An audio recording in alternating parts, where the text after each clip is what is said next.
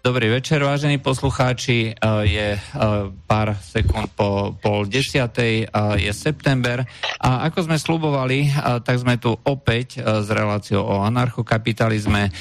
Na druhom konci drôtu je dneska s nami Urza. Dobrý večer. Dobrý večer, zdravím všechny posluchače. Uh, takže verím, že poslucháči už sú uh, nažhavení a teda budú uh, počúvať. Dnes sa budeme baviť o životnom prostredí, čo je z môjho pohľadu ako veľmi kontroverzná téma, pretože zasahuje do tých rôznych majetkových práv a vôbec ako sa k tomu stávajú. To znamená, že je to niečo, čo si mnohí ľudia predstavujú asi tak, že to vôbec nie je možné riešiť bez nejakej inštitúcie alebo koordinácie so štátom. Ja poviem jeden príklad, ak dovolíte. Uh, napríklad uh, budete mať uh, nejaký pozemok, na ktorom bude, bude, budú nejaké vtáky alebo nejaké rastliny alebo nejaká zácna pamiatka a vy poviete, keďže je to váš pozemok, že to zničíte, e, to znamená, že vyrúbete tie stromy alebo postrieľate tam tie, čo ja viem, nejaké tie zvieratá. Čiže je to jedineč, niečo jedinečné pre vás to nemá hodnotu z nejakého dôvodu, ale pre ostatných, všetkých ostatných, ktorí by možno boli ochotní to aj zaplatiť, to hodnotu má. Ja síce viem, že je to ten, ten fatalistický prístup, hej, to znamená, vyťahuje sa ten najhorší prípad, ale ako sa k tomuto pozerá anarchokapitalismus na takýto spôsob uvažovania? Takhle, ono v zásadě z ekonomického hlediska není možný, aby nějaký statek, který vlastním, pro mě hodnotu měl, eh, teda pro mě hodnotu neměl a pro ostatní měl. Já se omlouvám, já se zase trošičku slyším a tím pádem Počkejte. mě to eh, potom... Ano, je to lepší? Uh, je to lepší. Takže je v zásadě téměř nemožný, nebo je, je prostě ekonomicky nemožný, aby nějaký statek, který vlastním, neměl hodnotu pro mě, ale měl hodnotu pro ostatní. Z toho důvodu, že on sice pro mě může nemít přímou hodnotu, to je samozřejmě pravda, můžu mít něco, co mě je úplně jedno. Já prostě třeba mi, že na mém pozemku hnízdí nějaký ptáci, eh, který mě můžou být úplně ukradený, můžu nemít rád ptáky, takže to pro mě nemusí mít fakt žádnou přímou užitnou hodnotu. Na druhou stranu, pokud uh, ti ptáci mají hodnotu pro jiné lidi, tak není pravda, že pro mě by to nemělo vůbec žádnou hodnotu, ale znamená to, že pro mě to má nějakou hodnotu, která plyne z toho, že, ti, že, že to můžu nějakým způsobem speněžit například uh, prodat ten pozemek s tím vším, nebo já nevím, prodávat ty zvířata na chov, nebo samozřejmě záleží, co je to, uh, záleží, co je to za druh, nebo, nebo co tam chovám. Ale obecně je to podobný, jako kdybych řekl, uh, já nevím, mám třeba bych teď našel venku krásnou, drahou dámskou kabelku a protože já ji nechci nosit, tak pro mě nemá žádnou užitnou hodnotu, ale taky nepůjdu a nevyhodím ji nebo ji nezničím, protože ji radši prodám, že? Uh, protože někdo jiný z ní užitek má a je ochoten za ní zaplatit. Což znamená, že ten příklad, eh, který uvádíte, vlastně není ani špatný, on je naprosto v pohodě a není to žádný až tak katastrofální příklad, ale v momentě, kdy ostatní lidi jsou ochotní zaplatit za to, abych já nevyrval ty stromy, respektive jsou mi ochotní zaplatit za ten pozemek, eh, protože chtějí ho zachovat eh, v té formě, v jaký je teď, jo? že prostě ten pozemek pro ně má hodnotu takový je teď, třeba je na něm les a hnízdí tam nějaký zvířata, tak uh, tihle lidi jsou ochotní zaplatit za to, aby to tak zůstalo, pokud jim na tom záleží. A mně, i když na tom nezáleží, tak v momentě, kdy ti lidi mi dávají nabídky, tak vytváří incentivu, aby mi na tom záleželo, respektive ne přímo, ale abych jim to třeba prodal v tom stavu, v jakým to je a oni to v tom stavu udrží. Potom ďalšia vec, čo sa viaže so životným prostredím, je to, že to životné prostredie často zasahuje aj do, povedzme, práv alebo kvality života tých ostatných, ostatných ľudí. Je možné to považovať za nejaký zdieľaný majetok? Napríklad, poviem tak, že sú rôzne migrujúce tvory. Či už sú to vtáky, ktoré prelietajú každý rok, alebo stiahovavé, ja neviem, kedy si to boli bizóny, ktorí ťahli naprieč Amerikou, alebo lososy, hej? Uh, aký, akým spôsobom uh, by sa toto riešilo? tohle je vlastně hrozně zajímavá otázka. Obecně platí, vlastník pozemku má vlastně právo si s ním, si s ním dělat, co chce. A otázka potom je, jakým způsobem by někdo mohl třeba vlastnit lososa nebo něco, ale vlastně on ani nikdo nevlastní to moře, jo, takže ono, ono, je to, ono je to těžký. Jako třeba, když máte lososy, tak ty táhnou nějakým mořem a to moře nikomu nepatří. A i kdyby třeba jsme vzali v úvahu nějaký seasteading, tak ty lidi si můžou jako homesteadovat nebo seasteadovat v tomhle případě uh, nějaký ten ně, něco jako na tom povrchu toho moře, ale to neznamená, že vlastní celý to moře až do hloubky, čímž pádem uh, vlastně tu vodu pod tím, jakoby nějaký ten oceán třeba asi by nevlastnil nikdo. Uh, samozřejmě nějaký oblasti by někdo vlastně mohl, takže v momentě, kdy máme něco třeba vedle pobřeží, využívají to rybáři, tak ti to vlastně, ti to vlastně můžou, takže asi, asi by to záleželo prostě případ od případu, no. Lebo uh, napríklad uh, tie stiahovavé vtáky alebo proste nejaké tvory, Eh, keď eh, budú vždycky chodiť cez tú konkrétnu, cez môj pozemok napríklad, hej, ja mám právo potom si s tým robiť, eh, čo chceme, všetko, čo príde na ten pozemok, ale tým pádom ja zasahujem do práv ostatných ľudí, že ktorí najmä to majú estetický užitok, poviem hlupo, z toho, že tiahnu vtáky, alebo tiahnu lososy, hej, a ja keď ich vyhubím, alebo budem sa snažiť vyhubím, nezasahujem aj do práv tých iných ľudí, pretože oni môžu mať subjektívne Eh, pocit, že to je pre nich ta hodnota. Takhle, já si úplně myslím, že nezasahujete. Na druhou stranu mi přijde poměrně nereálný, abyste jako vyhubil tažný ptáky, kteří táhnou přes vás pozemek. Jako, ne, že byste neměl teoreticky právě to udělat, protože je to váš pozemek, ale těžko všichni ty ptáci poletí přes váš pozemek. Uh, Možná jich tam poletí pár, takže byste si jich pár zastřelil. ale, ale hlavně je to jako strašně nepraktický a spíš to asi jako neuděláte. Nebo jo, víte, víte co myslím? Že, že prostě máte nějaký pozemek a ten pozemek, když teda nemá jako tisíc kilometrů, a i kdyby měl, tak asi tam nepostřílíte tak ptáky, který nad tím pozemkem letí, no. Ono, uh, ja keď som tak nad tým rozmýšľam, mňa ešte za, uh, zarazila jedna vec, ktorú som si ja nevedel nejako uh, poriešiť sám. Uh, nesúvisí to priamo so životným prostredím, ale uh, s prírodou ako takou. Uh, keď je napríklad uh, nejaké množstvo pozemkov, uh, ja neviem, uh, je veľa trávy a všetkého možného, je možné tam pásť dobytok, a pozdĺž tej rieky, a toto môže byť e, konkrétne prípad, že niekto vykúpi všetky pozemky, tak e, nikto iný, kto e, chce napájať ten dobytok, nemôže, pretože všetko vlastní pozdĺž tej rieky niekto, nejaká entita, nejaký subjekt alebo čo. Toto má nejaké, nejaké riešenie, pretože je to jediný zdroj, jedinečný zdroj a ten človek si proste povedal, alebo ten subjekt, že mne stojí za to odmietať ekonomické návrhy tých ľudí, aj pretože časom by, e, dajme tomu, skrachovalo ich e, podnikanie na báze toho dobytkárstva a ja to môžem potom lacno odkúpiť. E, a nebude, nebude možné ho nejakým spôsobom, proste je to jeho biznis plán a takto, takto ide, má na to právo, je to jeho pozemok, ja nemám možnosť e, sa k tej vode nejako dostať. Dá, má to nejaké riešenie no. bez nejaké uh, nadradené entity? No takhle, uh, tam je víc věcí. Za prvý, asi nikde nemáte jako jedinečný zdroj, uh, protože prostě těch zdrojů je všude víc, takže vy prostě jako není jedna řeka na světě, že? Uh, takže to by někdo musel jako vlastnit všechny řeky, aby... aby Nie, nemyslím tak, ale prostě lokálně, lebo to jsou, to jsou no, věci, no, okay. hej, tak kde e, obecně... tá farma, hej, mala, malý podnikateľ vlastní je farmu, ktorá má 50x50, e, nech to preženiem. Okay, okay, já už to chápu, já jenom, ale tak to byla jenom taková poznámka, ale ten hej. hlavní, ten hlavní argument k tomu je, mm, tohle není vůbec jako problém životního prostředí. Tohle byste eh, mohl říct jako na cokoliv. Třeba.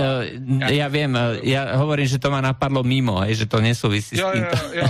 A tak jako lehce souvisí, protože to může být, že koupím pozemky kolem řeky, abyste si nemohl napást dobytek, ale to může být cokoliv, to může být, že skoupím pozemky kolem vašeho domu, abyste do něj nemohl chodit a tak dále. Jako, tahle ta teoretická možnost tady vždycky existuje, ale dvě, dvě důležité věci. Za prvé, většinou to předpokládá, jako čím, takhle, čím na menším území se to stane, tím menší je to problém a dá se to obejít. Prostě tím, že se člověk přesune trošku jinam. Eh, čím na větším území se to stane, tím víc to předpokládá model, že máme společnost, kde je jeden genius zla, který je strašně chytrý a okolo je strašně moc lidí, kteří jsou všichni hloupí. Já si úplně nemyslím, že tohle je situace, která by běžně nastávala, že by byl jako jeden zlej a strašně chytrý člověk a okolo všichni hloupí. Uh, protože chytrých lidí bude víc. Neříkám, že všichni, ale prostě když bude jeden takhle, řekněme, jako ten zlej agent, který chce něco udělat, tak uh, určitě bude dostatek stejně inteligentních lidí, nebo aspoň podobně inteligentních lidí, kteří ten jeho záměr rozpoznají. Což znamená, že on, když začne něco takového dělat, tak on samozřejmě není sám na světě a pokud teda všichni okolo nejsou úplně hloupí, tak uvidí, že on se snaží třeba kupovat pozemky kolem, kolem řek nebo něco takového. To je jako jedna věc. Jo. Takže muselo by být, uh, muselo by se jednat o jako strašně složitý plán, který by musel vykonat nějakým způsobem jako jednotlivec, což vlastně znamená, že jeden jednotlivec přechytračí úplně všechny, Jo, a tím nemyslím jenom, jako nemůžeme si představit, že jeden jednotlivec jako chytrý podnikatel přechytračí prostě tisíc jako dělníků. Spíš je to tak, že ten jeden podnikatel by musel přechytračit všechny ty tisíce dělníků, ale taky těch dalších jako sto vlivných podnikatelů, kteří taky mají svoje zájmy. Hmm. A nebo by to teda muselo být nějaký impérium, že by ten člověk jako začal jakoby uzavírat nějaký kartel s dalšíma lidma a snažil by se jako společně něčeho takového dosáhnout. Jenže tím by právě musel otevřít karty a tím pádem by se to zase jako rozšířilo. Takže on vlastně čím víc si to nechává pro sebe, ten svůj plán, tím menší je šance, že něčeho dosáhne. A čím víc lidí do toho zahrne, tak tím spíš se to zase rozšíří. Jo. Takže to je, to je další věc. A potom úplně poslední věc. Uh, všemu tomuhle se dá velice účinně zabránit, takže to ani vlastně nějaký genius uh, není schopen, není schopen vyvrátit. A to, že prostě člověk uzavře smlouvu o těch zdrojích, který potřebuje. Což znamená například, uh, já mám farmu a chodím teda pást svůj dobytek k řece, no tak uh, buď budu mít pozemek, který sahá až k té řece, to je jako jedna možnost. A druhá možnost je, že uzavřu smlouvu s někým, kdo má pozemek, který sahá až k té řece, že tam budu moct třeba za nějaký poplatek nebo nějakým způsobem uh, pást svůj dobytek jinak nemá vlastně smysl vůbec dělat tenhle ten podnikatelský záměr. Jo? No, no, jako, to je jasné. Já, když chci dělat farmu, tak prostě je, je mým jako posláním, abych zajistil, že, a nedává jinak smysl si nezajistit, že mám kde brát vodu, kterou potřebují moje zvířata. Hmm. Jo, ono to, ono všechno tohle to vlastně předpokládá, že někdo se bude chovat strašně chytře, ale zároveň to taky předpokládá, že všichni ostatní se budou chovat strašně hloupě. Jo, například, že si udělám podnikatelský záměr, jo, budu mít farmu, budu tam pěstovat zvířata, ale vůbec jako si nedomyslím, že k tomu potřebuju vodu, a žádným způsobem si smluvně nezajistím to, abych měl přístup k vodě. Takže jako OK, může se stát, že ten přístup k vodě nemám já sám, protože prostě nesousedím s vodou. Ale pokud prostě budu potřebovat řeku k tomu, co dělám, a samozřejmě já nemusím potřebovat řeku, já tam můžu tu vodu dostávat jinak, jo, to je další věc. Já můžu mít prostě studny a studna jde vy, vyhloubit kdekoliv, jo, to, to, je jako ještě úplně další věc. Ale obecně, když jsme se bavili o nějakém zácném zdroji, no tak já přece, když mám svůj biznis založený na tom, že potřebuju vodu, no tak si uzavřu smlouvu s tím, Eh, kdo mi, posti, eh, kdo mi poskytuje vodu a ta smlouva bude tam zahrnovat, že ten, kdo ten pozemek vlastní, mi tam musí poskytovat vodu nebo přechod pro dobytek, třeba za nějaký poplatek a zároveň tam musí být napsáno, že v té smlouvě tím lze majitele zavázat, že na kohokoliv on ten pozemek přepíše, tak tahle ta klauzule musí platit taky a on musí být zase dál zavázaný tím převodem. Jo? Takže si tímhle tím můžu vlastně zajistit uh, něco takového. A za další ten velký problém je skutečně v těch zdrojích, které nejsou tak vzácní, jak by se mohlo zdát. Ku příkladu voda. Uh, voda jako je do nějaký, je, jako voda je samozřejmě, je samozřejmě vzácný statek, ale problém je v tom, že já můžu kdekoliv vyhloubit studnu a v podstatě jako kdekoliv, když dostatečně hluboko kopu, tak najdu vodu. Jediný, v čem se to liší, je, jak hluboko musím kopat. Což znamená, že obecně jako odříznout někoho od vody tím, že mu tu vodu nebudu dodávat, nebo že eh, mu neudělám přístup k řece, nebo něco takového, jako úplně nejde, protože on si na svém pozemku může vyhloubit studnu a ano, samozřejmě kupovat hlubokou studnu je drahý. Ale všechno je to jenom otázka těch zdrojů, který on do toho vloží a já jako ho vlastně nemůžu úplně odříznout od vody, protože on, když bude kopat, tak kdokoliv, kdekoliv na zemi kope dostatečně hluboko, tak je tam nakonec voda. No, ono, uh, veľa takýchto argumentácií, a to by som chcel upozorniť aj ľudí, ktorí to počúvajú, tak uh, sa viaže tomu, čo som naznačil, tomu fatalistickému pesimizmu, že niekto vyťahne jeden konkrétny, veľmi ťažko realizovateľný až absurdný príklad a na tom sa dokazuje celé. Ale je to celé zároveň nekonzistentné, pretože ak by to človek mal takto posudzovať a žiť spôsobom takýmto fatalistickým, tak by jednoducho nemohol ani stať, pretože vždy môže niečo na neho spadnúť, niekto môže prepadnúť, alebo proste vždycky sa berie do úvahy len tá najhoršia možnosť.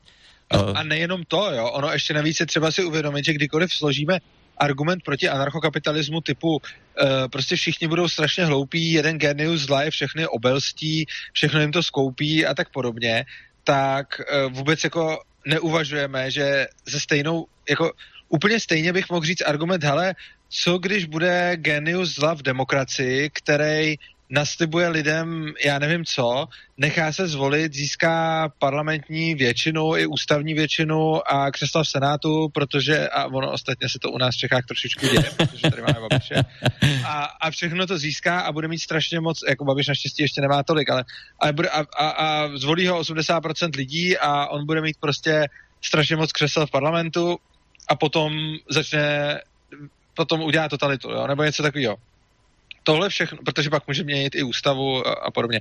Ale obecně tohle, nebo jo, nebo si můžeme třeba říct, jako co když se 200 poslanců dohodne, nebo co 200, co když se 101 poslanců dohodne a pro, protlačí zákon, že. Jo, to všechno se jako může stát a jako skoro mi přijde pravděpodobnější, že někde, a i to je nepravděpodobný, že někde jako úplně ustřelí prostě 101 lidí, nebo že někdo Uh, jo, že, že se prostě 101 poslanců dohodne na tom, že nám nějak zamezí přístup k vodě, jako ono se asi nestane, ale jako teoreticky se to stát samozřejmě může a potom taky se můžeme jako dál dostávat k tomu, že uh, a to už je pravděpodobnější, co když nějaký populista prostě získá v demokracii strašně moc hlasů, něco naslibuje a potom reálně bude dělat něco úplně jiného a bude si koncentrovat moc a podobně. Tohle všechno jsou jako argumenty, které se s nějakou jako pravděpodobností můžou stát.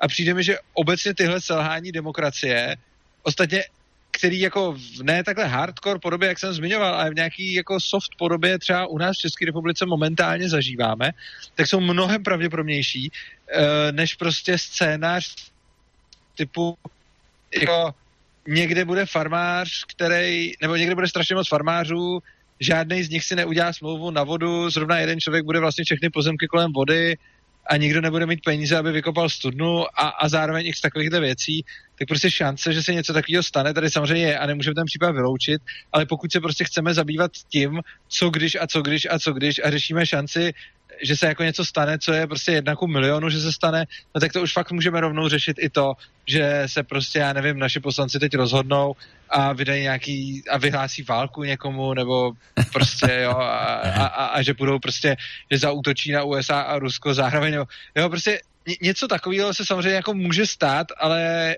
jako nestane se to, nebo prostě je nepravděpodobný, že se to stane. A nemůžeme být pokrytí proti všem absurdním alternativám a, a, a v důsledku toho potom teda ta kritika nemá smysl na ten Anka, protože ona nemá smysl ani na stát, protože ona nemá smysl v zásadě jako na nic, jak jste říkali, je to vlastně taková, takový ten fatalismus, jako. Hmm. Uh, schválne som to chcel uh, takto vytiahnuť a zdôrazniť, pretože uh, čo pozerám a čo počúvam, tak uh, veľmi často sa celá diskusia okolo, nielen okolo ANKAPu, ale aj okolo ďalších vecí e, vynie práve okolo hraničných prípadov, ktoré sa zovšeobecňujú. A na základe toho sa potom e, vedie celá tá argumentácia, čiže ja si postavím e, v podstate nelogický nejaký príklad. A ten poviem, že toto je skutočne to, čo charakterizuje tú tému. A ten prípad potom ako vyvrátim, alebo teda poviem, že to nie je realizovateľné. A tým pádom... Tým pádom Omlouvám se.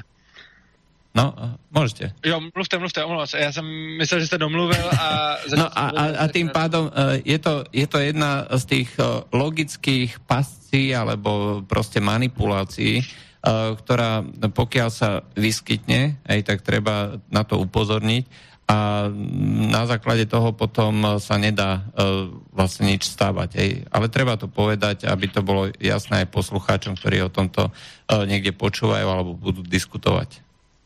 Takhle, ono je rozhodně fajn uh, vytahovat hraniční případy. To je určitě dobrý, protože když chceme testovat teorii, je fajn to dělat na hraničních případech, protože si tím jako za první určíme, co když nějaký ten hraniční případ zdaleka není tak hraniční, nebo uh, ten systém je k tomu náchylný, to je první věc. Další věc, uh, můžeme se jak, jako zamýšlet nad tím, jako dobře, zjistíme tím, kde ten systém má vlastně svoje limity, kde má svoje slabiny a podobně. Takže uvádění hraničních případů je rozhodně jako podle mě strašně důležitý. Na druhou stranu si ale musíme celou dobu uvědomovat, že to vůbec děláme. Že to, o čem se bavíme, je hraniční případ a že to není jako běžný případ. Čili tohle to nesmíme směšovat. Potom si musíme jako uvědomit, s jakou pravděpodobností ten uh, hraniční případ nastane.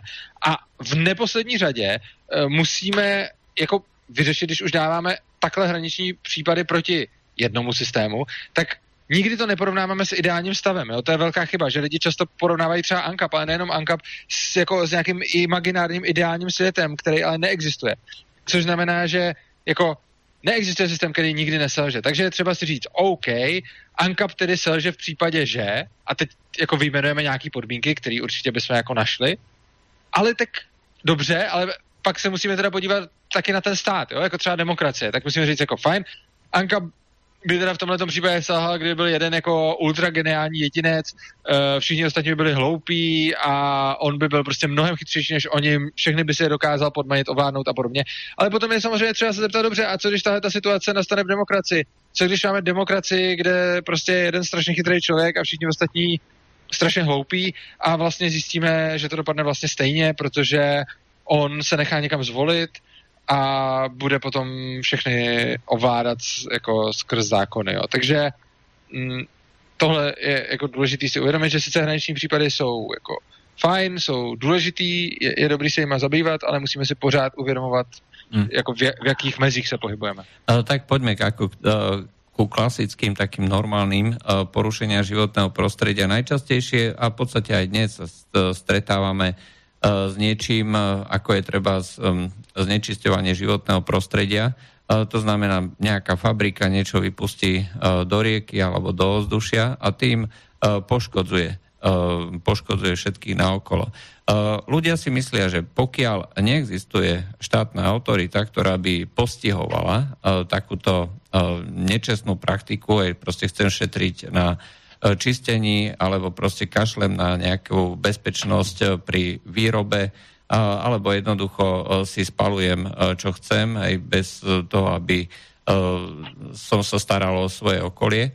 Takže pokiaľ neexistuje takáto štátna autorita, tak jednoducho si títo ľudia budú robiť, čo chcú a nikto ich nemôže za to postihnúť. Je to, je to pravda alebo nie? No, ona, ta autorita nemusí být státní. Ta autorita může být uh, libovolná jiná, ta autorita může být klidně tržní a prostě když někdo uh, má fabriku a vypustí do řeky prostě nějaký bordel, no tak tím prostě narušuje vlastnický práva majitele té řeky, nebo a pokud vlastní tu řeku tam, kde to vypouští, tak následně porušuje vlastnický práva těch uh, dalších majitelů řeky, kteří jsou po proudu, až kam prostě to doplave. Je to úplně stejný, ne, nebo případně, kdyby to doplavalo až, až do moře třeba, a tak to už by musela ta fabrika vlastně zase celou řeku, což je jako nepravděpodobný. A kdyby to do, zase je jako případ. až, no ano, tak ten se nebudeme řešit, ale kdyby to doputovalo až do moře, tak tam zase někdo může vlastnit prostě e, něco, někde to nadělá bordel, někam to doplave a tam to někdo bude vlastnit a někoho to tam poškodí. Ale obecně teda e, to se principiálně neliší od toho, když já půjdu a vysypu svoji sou, jako popelnici sousedovi na pozemek. Prostě nechce se mi vynášet popelnici, tak můžu udělat to, že prostě jdu k sousedovi a vysypu mu ji na zahrad. To samozřejmě jako je řešení, ale je to porušení jeho vlastnických práv. Úplně stejně jako eh, když fabrika něco vypustí, no tak eh, tím porušuje vlastnický práva toho, kdo je po proudu.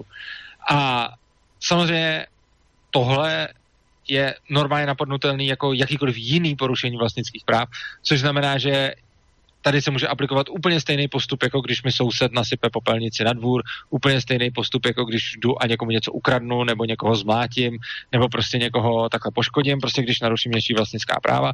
A to je vlastně něco, eh, na čem jako na vlastnických právech v zásadě stojí jako anarchokapitalismus, což znamená, že tyhle ty praktiky jsou jako něco, něco jako nepřípustného, něco, co je v rozporu s volným trhem, protože tím, uh, protože tím narušuju uh, pozemky dalších lidí a samozřejmě tohle už je kapitola na nějaké jako soukromé vymáhání práva, uh, které nevím, jestli jsme tady už měli nebo ještě neměli. Každopádně je to jedna jakoby z těch, z těch nejsložitějších kapitol, o kterých jsem přednášel nebo i psal v knize a podobně. Každopádně obecně, pokud bereme jako fakt, že jsme ve společnosti, kde funguje právo ve smyslu ochrana vlastnických práv a to může být samozřejmě v anarchokapitalismu, kde by uh, tržní subjekty zajišťovaly, uh, zajišťovaly jako respekt vlastnickým právům a vlastně ochranu proti vnitřnímu nepříteli. A nebo kdo teda si myslí, že tohle to by nefungovalo a že by jako v anarchii nikdo nezajišťoval právo, což si já nemyslím, ale kdo by tohle to předpokládal, no tak ten, tak by to mohl zajišťovat teda stát, že by to nebyla anarchie pro toho člověka, který nevěří, že, mm, že v anarchistické společnosti můžeme se dovolat práva, tak v takovém případě bychom měli nějaký minimální stát, který by zajišťoval právo.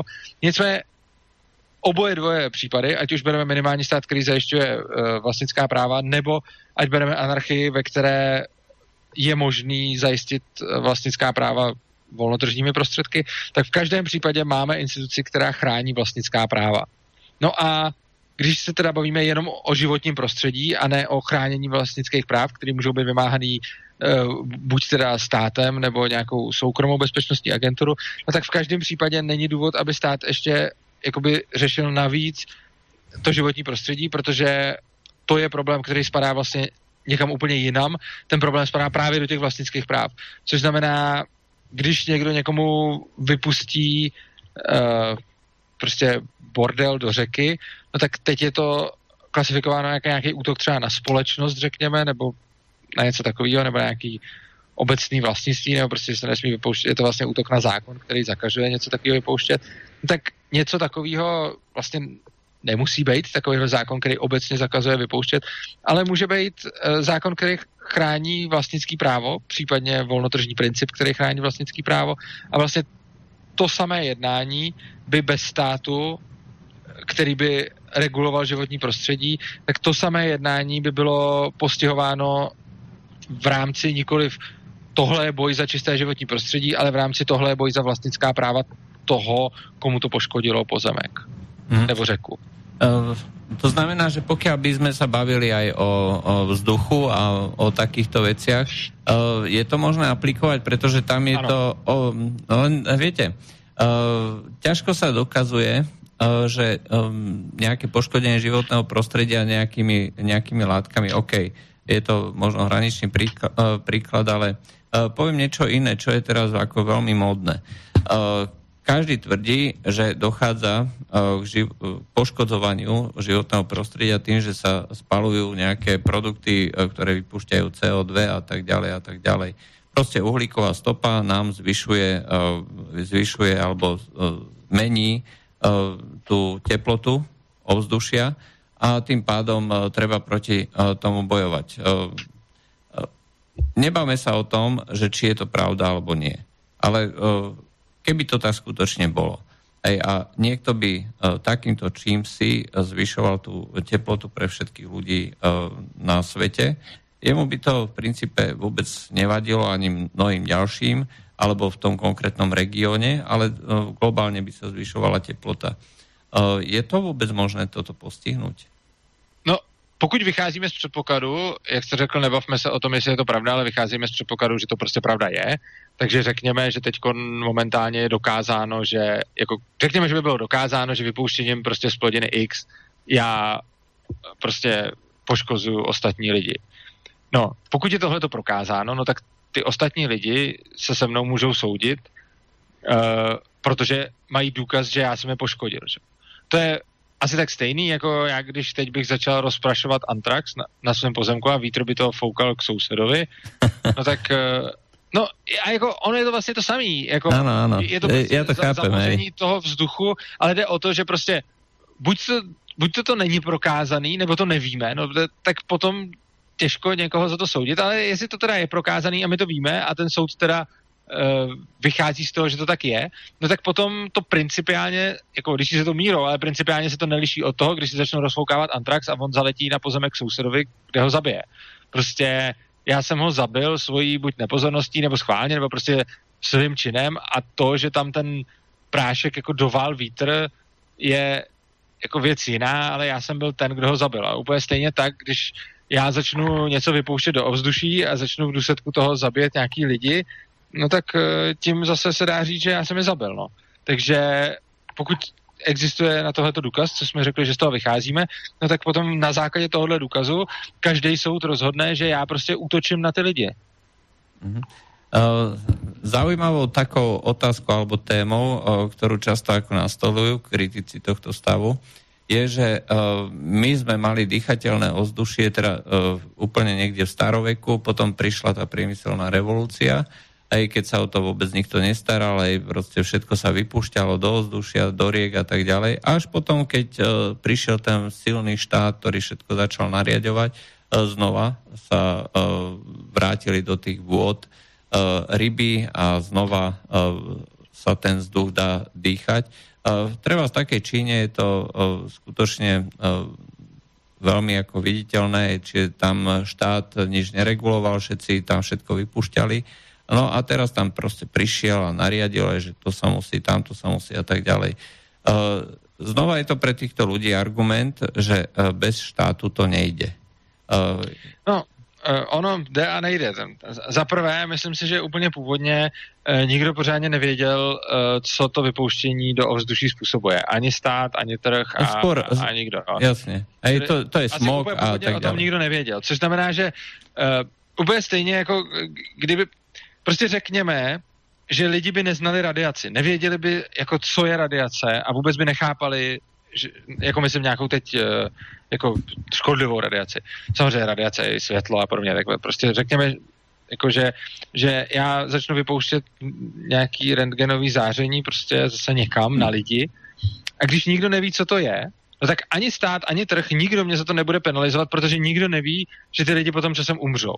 Jo, takže já když bych si ve společnosti, kde nikdo nezná rentgen, postavil jako obrovský rentgen a otočil ho na ulici a pouštěl ho tam, tak se mi asi nic nestane, bez ohledu na to, jestli stát, nebo jestli trh, nebo, nebo co, protože prostě nikdo neví, že těm lidem jako ubližuju. V momentě, kdy ty lidi budou vědět, že jim to ubližuje a že je tím vlastně zabijím, no tak ať už stát nebo trh, tak se o to postarají. Což znamená, že co se týče té průmyslové revoluce, já si myslím, že ty lidi především úplně nevěděli, uh, jaký to všechno bude mít reálný dopad. To je první věc. A druhá docela podstatná věc je, že my si musíme uvědomit, v jakých podmínkách tehdy ty lidi žili a jaký měli tehdy problémy. A je možná drsný to takhle říct, ale ono dost možná pro ty lidi bylo v danou chvíli lepší mít třeba zamořenější ovzduší, ale mít ty produkty, které ty továrny vyprodukovaly, než nemít ty produkty a mít čistý ovzduší, protože oni byli fakt chudí a dneska si můžeme jako dovolit chránit to životní prostředí. Existuje prostě nějaká, já nevím, pyramida potřeb, kdy ty lidi jako napřed se potřebují jako najíst, bydlet, mít teplo, uh, nějaký prostě základní, základní potřeby a až potom začínají řešit jako další potřeby. A samozřejmě to, že musí dýchat jako strašně zamořený vzduch je hrozný, protože jim to určitě zkracuje život, poškozuje jim to plíce a tak dále, ale dost možná pro úplně chudou civilizaci, která řeší to, že když se blbě urodí, tak je hladomor a prostě umírají lidi hlady, uh, nebo řeší to, že má prostě jako fakt málo potravin a jsou tam jako, ne, že když budu teď dýchat prach, tak umřu o 10 let dřív nebo o 20, protože budu mít rakovinu plic, ale že ty lidi fakt řeší, jako teď moje děti nemají co jíst a špatně se vyvíjejí a umírají hlady a já umírám hlady a tak dále, tak v tuhle chvíli si ty lidi sami prostě určí svoje priority a jejich prioritou tehdy za doby průmyslové revoluce fakt bylo jako, aby nehladověli jejich děti, aby si nějak najedli. A paradoxně ta průmyslová revoluce jim v tomhle strašně pomohla a v zásadě tu civilizaci hrozně posunula dál a zachránila. Že? Ono dneska jsme zvyklí na průmyslovou revoluci hledět a strašně moc to školy takhle jako poukazují jako na něco hroznýho. Ale průmyslová revoluce byla jedna jako z nejlepších věcí, který lidstvo potkalo, protože a, a je absurdní poukazovat, podívejte se na to, jaký hrůzy to jako způsobilo, protože ty lidi tam potom trpěli, eh, museli strašně moc pracovat, žili v hrozných podmínkách, uh, prostě jo, a tak dále, měli prostě špatnou práci, tak ono předtím to bylo ještě mnohem horší. Předtím ty lidi žili ještě v daleko horších podmínkách, měli ještě mnohem víc práce, měli ještě jako méně možných jistot a měli jako fakt jako bídu, která hraničila jako s hladomorem. A právě pak díky té průmyslové revoluci jsme vybudovali dostatek kapitálu na to, aby v těch zemích, kde průmyslová revoluce proběhla, už vlastně nikdo nemusel trpět hlady. Jo, bez nadsázky. V naší civilizaci v současné době není vlastně nikdo, kdo by trpěl hlady z ekonomických důvodů. Prostě nikdo. Reálně jako nula lidí trpí hlady z ekonomických důvodů. No a tohle je něco, co absolutně zapomínáme, že tohle máme díky té průmyslové revoluci. Takže ano, ty lidi tam žili v hrozných podmínkách a tak dále, ale bylo to zlepšení oproti tomu, co bylo předtím. Jo, takže uh, je, je třeba zvážit, čemu ty lidi tehdy čelili a nedává smysl se na to dívat z pohledu dnešního člověka, který má všeho dost, má dost jídla, hlady nikdy netrpěl, ani jeho rodiče netrpěli hlady, ani jeho děti netrpěly hlady a, a vlastně, vlastně tady tenhle ten problém vůbec není, že by ty lidi takhle umírali, jako se umíralo dřív. A z dnešního pohledu říct, jej, to je hrozný, že si že si zasírali ovzduší a pomalu pak nemohli dechat. Že? Ano, to se takhle hezky říká, ale v momentě, kdy potom stojíte před výběrem, že ty lidi prostě buď umírají hlady, a nebo si zasviní ovzduší, čímž si taky zhorší zdraví, ale mnohem méně než tím, že nemají co jíst, no tak potom je ta volba asi jasná. Uh, ja by som k tomu povedal uh, práve k tej priemyselnej revolúcii, chudobe a podobných veciam. Uh, môže to znieť trocha paradoxne, ale v určitom stupni rozvoja, pokiaľ sa vyriešia tieto problémy aj na úkor toho znečistenia životného prostredia, to môže viesť, pokiaľ spoločnosť dôjde do nejakého stavu, že už teda bude mať dostatok kapitálu aj na vyčistenie toho. Čiže je to taká medzifáza, ktorá pomôže jednak prežitým ľuďom a zároveň do budúcna vyriešiť aj tie problémy s tým, e, s tým e, ovzduším alebo vodou alebo prostě zamorením ako takým. Hej, ale no samozřejmě přesně tak. Teď máme jako zdroje na to, aby jsme vůbec řešili mm, jako něco jako životní prostředí. Dřív to byl prostě moc velký luxus, který si lidi nemohli dovolit. Dneska se ho dovolit můžou. Ale to není tím, že tady máme stát. To je prostě tím, že máme bohatší společnost. Hmm. O, ešte tiež taká zaujímavá otázka je, že štát e, má regulovať alebo má rozhodovať o tom, že čo budeme uh, robiť, čo budeme spalovať. Ide mi hlavne teda o tú... Uh, dneska sa stále hovorí o obnoviteľných zdrojoch energií. Hej, to znamená, že sa nariaduje, že sa musí primiešavať repka olejna do, do ropy, hej, teda do nafty, musí sa Uh, musia sa robiť vrtulníky, musia sa robiť slnečné elektrárne povinne, hej. Čo, uh, no ale uh, skôr mi ide o to, že niekto, uh, mnohí ľudia to považujú za potrebné, že takto to treba robiť, uh, lebo musíme chrániť životné prostredie, zdroje, ktoré sú neobnoviteľné a tak ďalej. Uh, je vôbec ako uh, nejaká možnosť, uh, ako uh, ľuďom ukázať, že niečo je výhodnejšie, aby robili práve takýmto spôsobom? Či, alebo, alebo nie? No, takhle. Um jde o to, že my můžeme teď říct prostě, jo, chráníme životní prostředí tím, že stavíme, já nevím, eh, obnovitelné zdroje a tak dále. A je naprosto v pohodě to dělat v momentě, kdy k tomu společnost sama jako dojde, kdy už ten technologický pokrok je dost vysoký. Na druhou stranu, tady máme nějakou doktrínu trvalé udržitelného rozvoje. Eh, a mnozí lidi teď chtějí aplikovat. A ti lidé se odvolávají na naše potomky. Prostě řídíme se doktrínou trvalé obnovitelného rozvoje a dělejme to pro naše potomky. Jako upřímně řečeno, tohle mi přijde jako naprosto absurdní argument, když vezmeme v úvahu, že my jsme tam, kde jsme, právě protože naši, po, naši předci se touhletou doktrínou neřídili.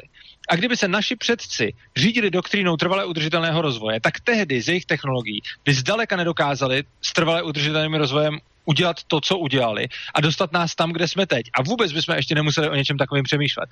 Což znamená, že kdybychom doktrínu trvalé udržitelného rozvoje nastavili, nasadili v zásadě v době průmyslové revoluce, no tak zdaleka nemáme ty technologie tam, kde jsme teď, protože nikdo by nemohl udělat tu továrnu, která sice jako čoudila a tak dále, ale dala těm lidem aspoň něco a, a došlo k nějakému technologickému pokroku, abychom pak mohli to též dělat uh, daleko šetrněji. A prostě ty věci se vždycky dělají nešetrně napřed, tím se nějak vůbec zjistí, jak se dají dělat. A potom je možný, když už je proskoumaná a dostatečně vyvinutá ta technologie na to, jak ty věci dělat nešetrně, no tak potom se lidi začnou zabývat tím, jak to dělat šetrně. Jo, to je, to je jako naprosto přirozený. Ale když bychom rovnou chtěli, aby všechno dělali šetrně a aby všechno dělali obnovitelně, no tak ten pokrok zdaleka nebude tam, kde je. Což znamená, že my sice říkáme trvalé udržitelný rozvoj kvůli našim potomkům, ale reálně za to všechno, co máme, vděčíme tomu, že naši předci kašlali na trvalé udržitelný rozvoj. Samozřejmě, že nám tím přidali i nějaké problémy. Jo? je to pochopitelný. Na druhou stranu, oni nám sice předali i nějaké problémy, ale hlavně nám předali strašně moc technologií, pokroku, eh, blahobytu a všeho. A teď jako je spousta různých zelených, kteří budou tvrdit, no to je hrozný, že ty předkové takhle se chovali blbě k přírodě a tak dále. Na druhou stranu jsou to všechno lidi, kteří se, já nevím, jednou denně myjou, mají teplou vodu, e, mají doma lednici a mají všechny tyhle ty výdobytky, které mají díky tomu, že ty předci ten trvalý udržitelný rozvoj prostě nedrželi. A v momentě, kdy ta společnost, ta společnost může se v podstatě rozvíjet dvouma způsobama.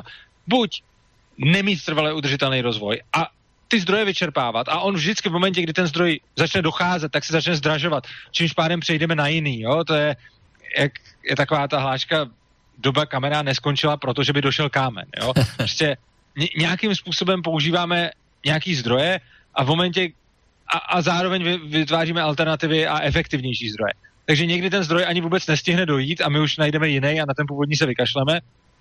A samozřejmě, kdyby ten zdroj docházel, no tak se strašně zdraží a to motivuje všechny, aby začali vymýšlet alternativy. Což znamená, že my, my můžeme vlastně buď třeba teď nějakou jako ropu třeba používat, a ropa, typická surovina, která každých 20 let má dojít za 20 let, jo, už asi 50 let se říká, že za 20 let dojde ropa. A já nevím, v roce 1960 měla dojít v roce 1980, v roce 1980 měla dojít v roce 2000, v roce 2000. To je v podstatě ta argumentace rímského klubu, je, to znamená, že stále no, to... No, přesně tak, či je to pořád, my samozřejmě pořád, protože ale ono to přesně funguje tak, že oni se vždycky podívají, kolik ropy momentálně jsme schopni vytěžit a, a ano, ono jim to vyjde na 20 let, ale ono se furt nacházejí nový naleziště, nové technologie a hlavně se dá ta ropa pak dostávat i z míst, ze kterých se předtím dostávat nedala a tak podobně, což znamená, že přesně tím, že neděláme ten trvalý udržitelný rozvoj, vlastně pořád zlepšujeme tu technologii. Ale OK, ona ta ropa jako jednou dojde. No ale tak my máme dvě možnosti buď teda teď přestaneme používat ropu a přejdeme na nějaký obnovitelný zdroje, čímž pádem teda zakonzervujeme nějaký zásoby ropy, které ale těm dalším generacím už budou na nic, protože už přešly na obnovitelný zdroje, takže už nepotřebují tu ropu.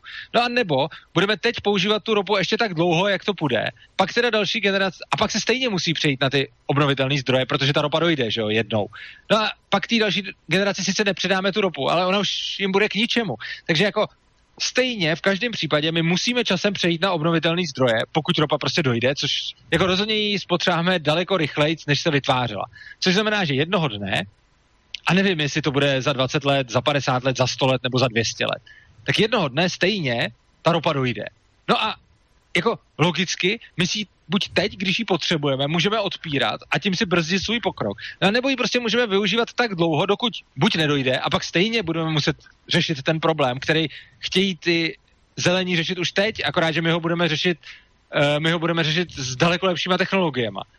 A druhá možnost je, uh, že ta ropa ani nedojde, a my už třeba ji spotřebujeme, my budeme spotřebovat ještě třeba 50 let, ale mezi tím už se stejně přejde na, na jinou technologii, což znamená, že té ropy stejně zůstane ještě v zemi dost a stejně už bude každému k ničemu, protože už budeme prostě získávat energii líp, třeba, já nevím, jadernou fuzí, nebo nějak, nechci, nechci říkat nějaký konkrétní, jako, jako konkrétní predikci.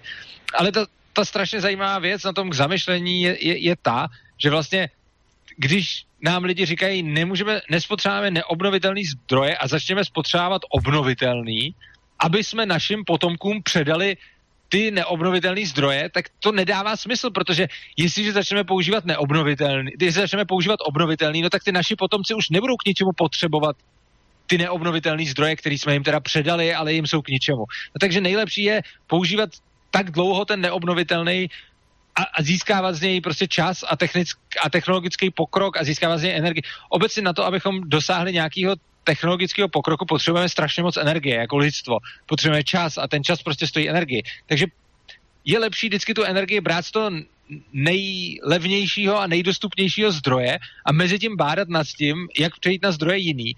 A, a je úplně absurdní teď vymýšlet, jak přejít na jiný zdroje, když ještě máme tyhle a říkat, OK, přejdeme na jiný zdroje a tenhle ten jako nedovyužijeme, aby, aby tady zůstal a nedělalo se s ním nic prostě. To, to nedává vůbec smysl. A nedáva samozrejme zmysel v tom, že sa popri tom, čo sa využívajú tieto neobnoviteľné zdroje, skúmajú možnosti použitia a využívania iných zdrojov.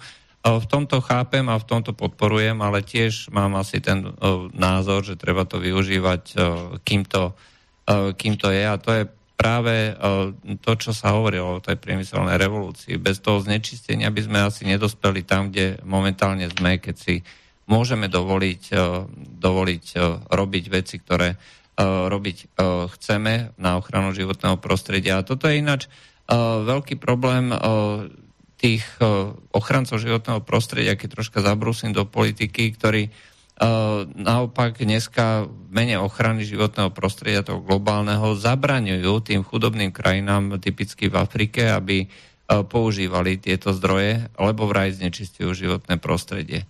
Hej, a toto je proste direktívne, hej, zasávanie do slobod e, a v podstate aj do rozvoja tej společnosti. Celé tak ono záleží, co to je za zdroje. Jo. Pokud se jedná, jako tam strašně záleží na tom, jestli se jedná o něco, co poškozuje cizí vlastnický práva nebo ne. Pokud se jedná o zdroje typu uh, ropa třeba, tak jako vytěží si člověk svůj pozemek, OK, ať si vytěží svůj pozemek a hol tam žádná ropa už nezbyde, nebo uhlí, nebo cokoliv takového, to je jako v pořádku samozřejmě. Ale uh, úplně jiná věc je, pokud se jedná o takový ničení životního prostředí, který nespočívá v tom, že spotřebuju nějaký zdroj, který je stejně můj, ale spočívá v tom, že vyprodukuju nějaký odpad, kterým zamořím eh, už jako cizí pozemky, cizí majetky. A tam už je samozřejmě ta výtka proti tomu naprosto oprávněná.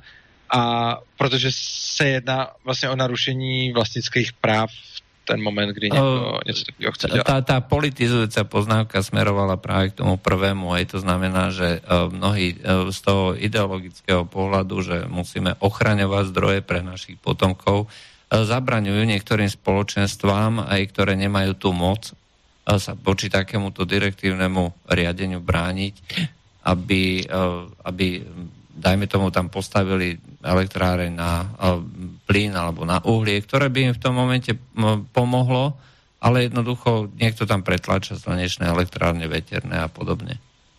No jasně, to, to, to, to, nedává, to nedává úplně smysl, protože přesně jako e, pro jejich potomky je samozřejmě lepší, když tam nebudou mít uhlí a bude třeba vytěžený, ale budou mít co jíst a e, budou mít vzdělání a budou mít technologie, e, díky kterým se potom možná dostanou k tomu, eh, že začnou tu energii vyrábět z něčeho jiného, eh, než tam mít uhlí, který ale stejně nemůžou používat. Hmm. Uh, často sa uvádza v týchto rôznych diskusiách príklad bizónov, že ktoré uh, v podstate, že divoký západ bol anarchiou, aj to znamená, že niečo, kde sa dajú aplikovať veľké časti aj týchto našich diskusí. A uh, keď teda došlo na to, že niekto chcel vybiť bizóny, aj tak nebolo žiadnej nejakej štátnej alebo teda nejakej autority, aj takže ako keby sa ľudia dohodli, že, že takéto čosi nastane a mohli to, no to je, vybiť. To je naprosto skvělý příklad s těma bizonama.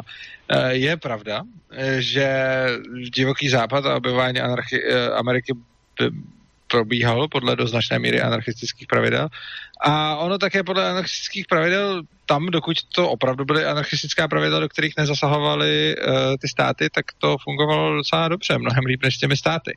A konkrétně zrovna s těmi bizony je to naprosto jako krásný, krásný příklad toho, že tam se nejednalo o nějakou soukromou iniciativu, která by vyhubila bizony. Ono to bylo tak, že samozřejmě uh, lovili se bizoni pro kožešiny a, a, a, a tak podobně, takže rozhodně tam jako byli lovci bizonů, kteří si tím, eh, kteří si tím vydělávali jako tímto způsobem, ale oni ani nestihli, těch bizonů tam bylo nikdo neví přesně kolik, ale odhaduje se, že třeba mezi milionem a dvěma miliony kusů, což znamená, že oni prostě nestíhali tolik bizonů ani, ani vybíjet, že ty bizony se množily rychleji, než oni, než oni to stíhali vybíjet původně. Uh, nicméně potom uh, kongres americký zjistil, že nebo zjistil, on se to vědělo, ale oni dostali ten nápad, že jim vadí indiáni a že indiánská kultura je na bizonech jako strašně moc závislá, protože ty indiáni používali ty bizony na, na všechno možné, oni jako z jejich uh, jako na jídlo, na, na šaty, na stavby svoje stanu a, a tak podobně. Takže prostě bizon byl strašně důležitý zvíře pro indiány. No a kongres se rozhodl, že uh, vlastně jim nepříjemná civilizace indiánů, takže vyhubí indiány tím způsobem, Eh, že vyhubí bizony. Což znamená, že eh, vláda vyhlásila eh, vlastně masakr na bizony, tuším, že jednak zakázala bizony vlastnit, jakože chovat prostě, aby nikdo nemohl prostě si ty bizony z nich udělat třeba farmu, kde mu je nikdo nesmí, kde mu je nesmí vybíjet a hlavně začali za ty bizony vyplácet, vyplácet prostě peníze těm, kdo tam jenom chodí a ty bizony střílí. Jo.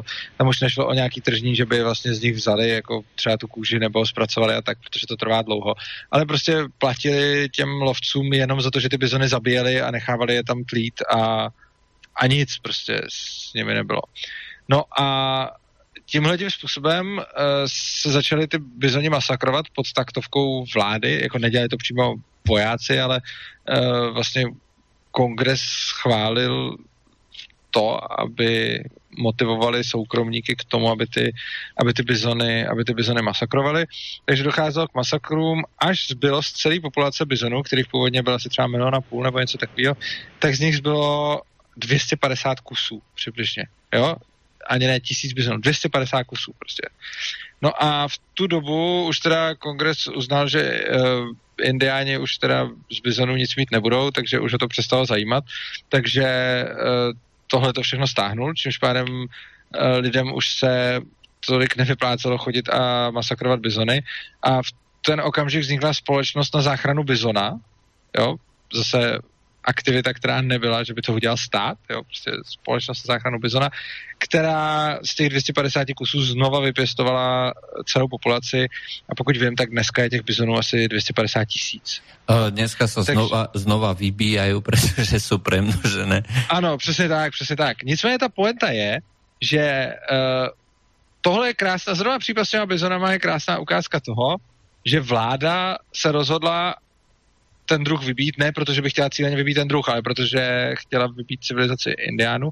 Takže vláda se rozhodla ten druh přímo vybít, což se skoro povedlo a následně je zachránili lidi, kteří je chtěli chovat, protože v tom viděli jako biznis, že oni ty bizony začali chovat a, uh, a množit a následně prodávat a oni na tom vlastně vydělávali. Takže je to krásná ukázka toho, kde vlastně stát způsobil téměř vyhnutí druhu a následně eh, touha po zisku ten druh zachránila.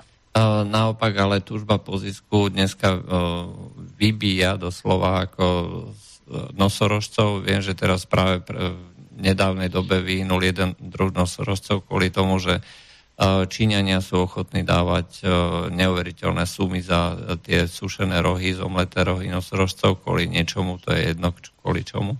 No to jo, ale, ale tam je, to je zase to je klasický problém, o tom jsem psal článek před, před pár lety zrovna o, o nosorožcích. Ten problém je v tom, že on je zákaz obchodu s těma rohama, což znamená, že nikdo nemůže legálně eh, prostě chovat nosorožce na kly. Jo, to prostě nejde. Což znamená, že my máme nějaký ohrožený druh a místo toho, aby jsme řekli, hele, tak kdo chce, ať si pěstuje nosorožce na kly a ty kly prodává. Tím, že by se ty kly prodávaly, tak by se snižovala jejich tržní cena což, a, a navíc by bylo najednou víc profitabilnější eh, chovat nosorožce, že jo. Eh, samozřejmě by to nebylo nějaký úplně asi ziskový, protože nos, jako typuju, že chovat nosorožce bude strašně drahý, ale rozhodně to bude daleko levnější, což znamená, že kdyby bylo možné obchodovat uh, s tou rohovinou, tak to za prvé snižuje cenu té rohoviny na trhu, což znamená, že menší odměna pro pytláky.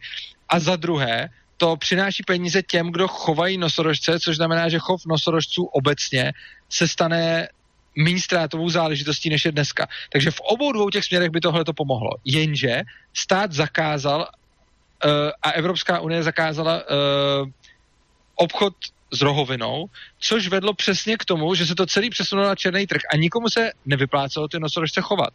A potom vidíme akci, která nastala, to bylo úplně absurdní. Před pár lety ve dvoře Králové v zoologický uh, byly nosorož, byli, oni tam měli nosorožčí rohy, který z těch nosorožců brali a byly to rohy, které byly asi za 100 milionů prostě. Uh, protože je tam měli už nastřádaný na hrozně dlouho. A co s těma rohama by tak mohli udělat? No oni by samozřejmě ty rohy, které tam měli za 100 milionů, mohli prodat. 100 milionů je obrovská pálka, takže by uh, sníž, jako uspokojili by spoustu poptávky po rozích, což znamená, že by brutálně snížili cenu na trhu. To za prvé. A za druhý, oni by získali 100 milionů, který by mohli věnovat do dalšího chovu dalších nosorožců.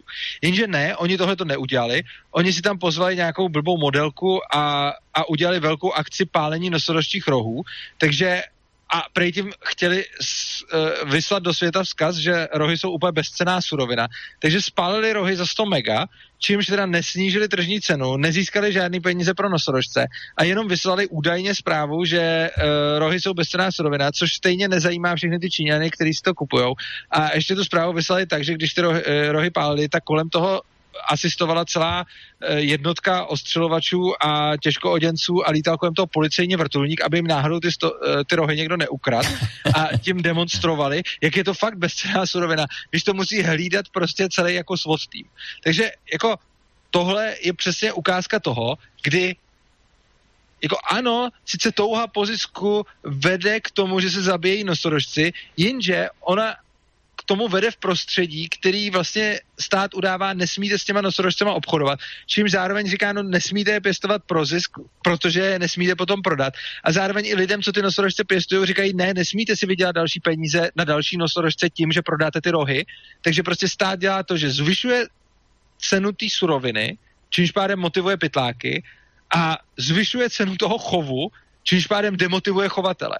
Což znamená, že ten zákaz té rohoviny, eh, obchodování s tou rohovinou, je z ekonomického hlediska přesně to, co přispívá jenom tomu, že ty nosorožce méně lidí chová a víc lidí na nich pytlačí. Jo. Takže ono sice můžeme říct, že za, zatím stojí touha po zisku, což jako ano stojí, ale ono jde o to, že když máme ten volný trh, tak ta touha po zisku se tam, tam vede k něčemu a když máme ten stát, tak ta touha po zisku tam vede k něčemu úplně jinému. Což znamená, že když by tohle bylo na volném trhu, tak se rozhodně daleko víc vyplatí ty nosorožce chovat a daleko méně se vyplatí je pytlačit. Mm-hmm. No, v podstate už nám e, končí tá relácia, e, zase máme za sebou hodinku. E, ako vždy na záver by sme si, by sme si mohli dohodnúť, o čom sa budeme baviť na budúce.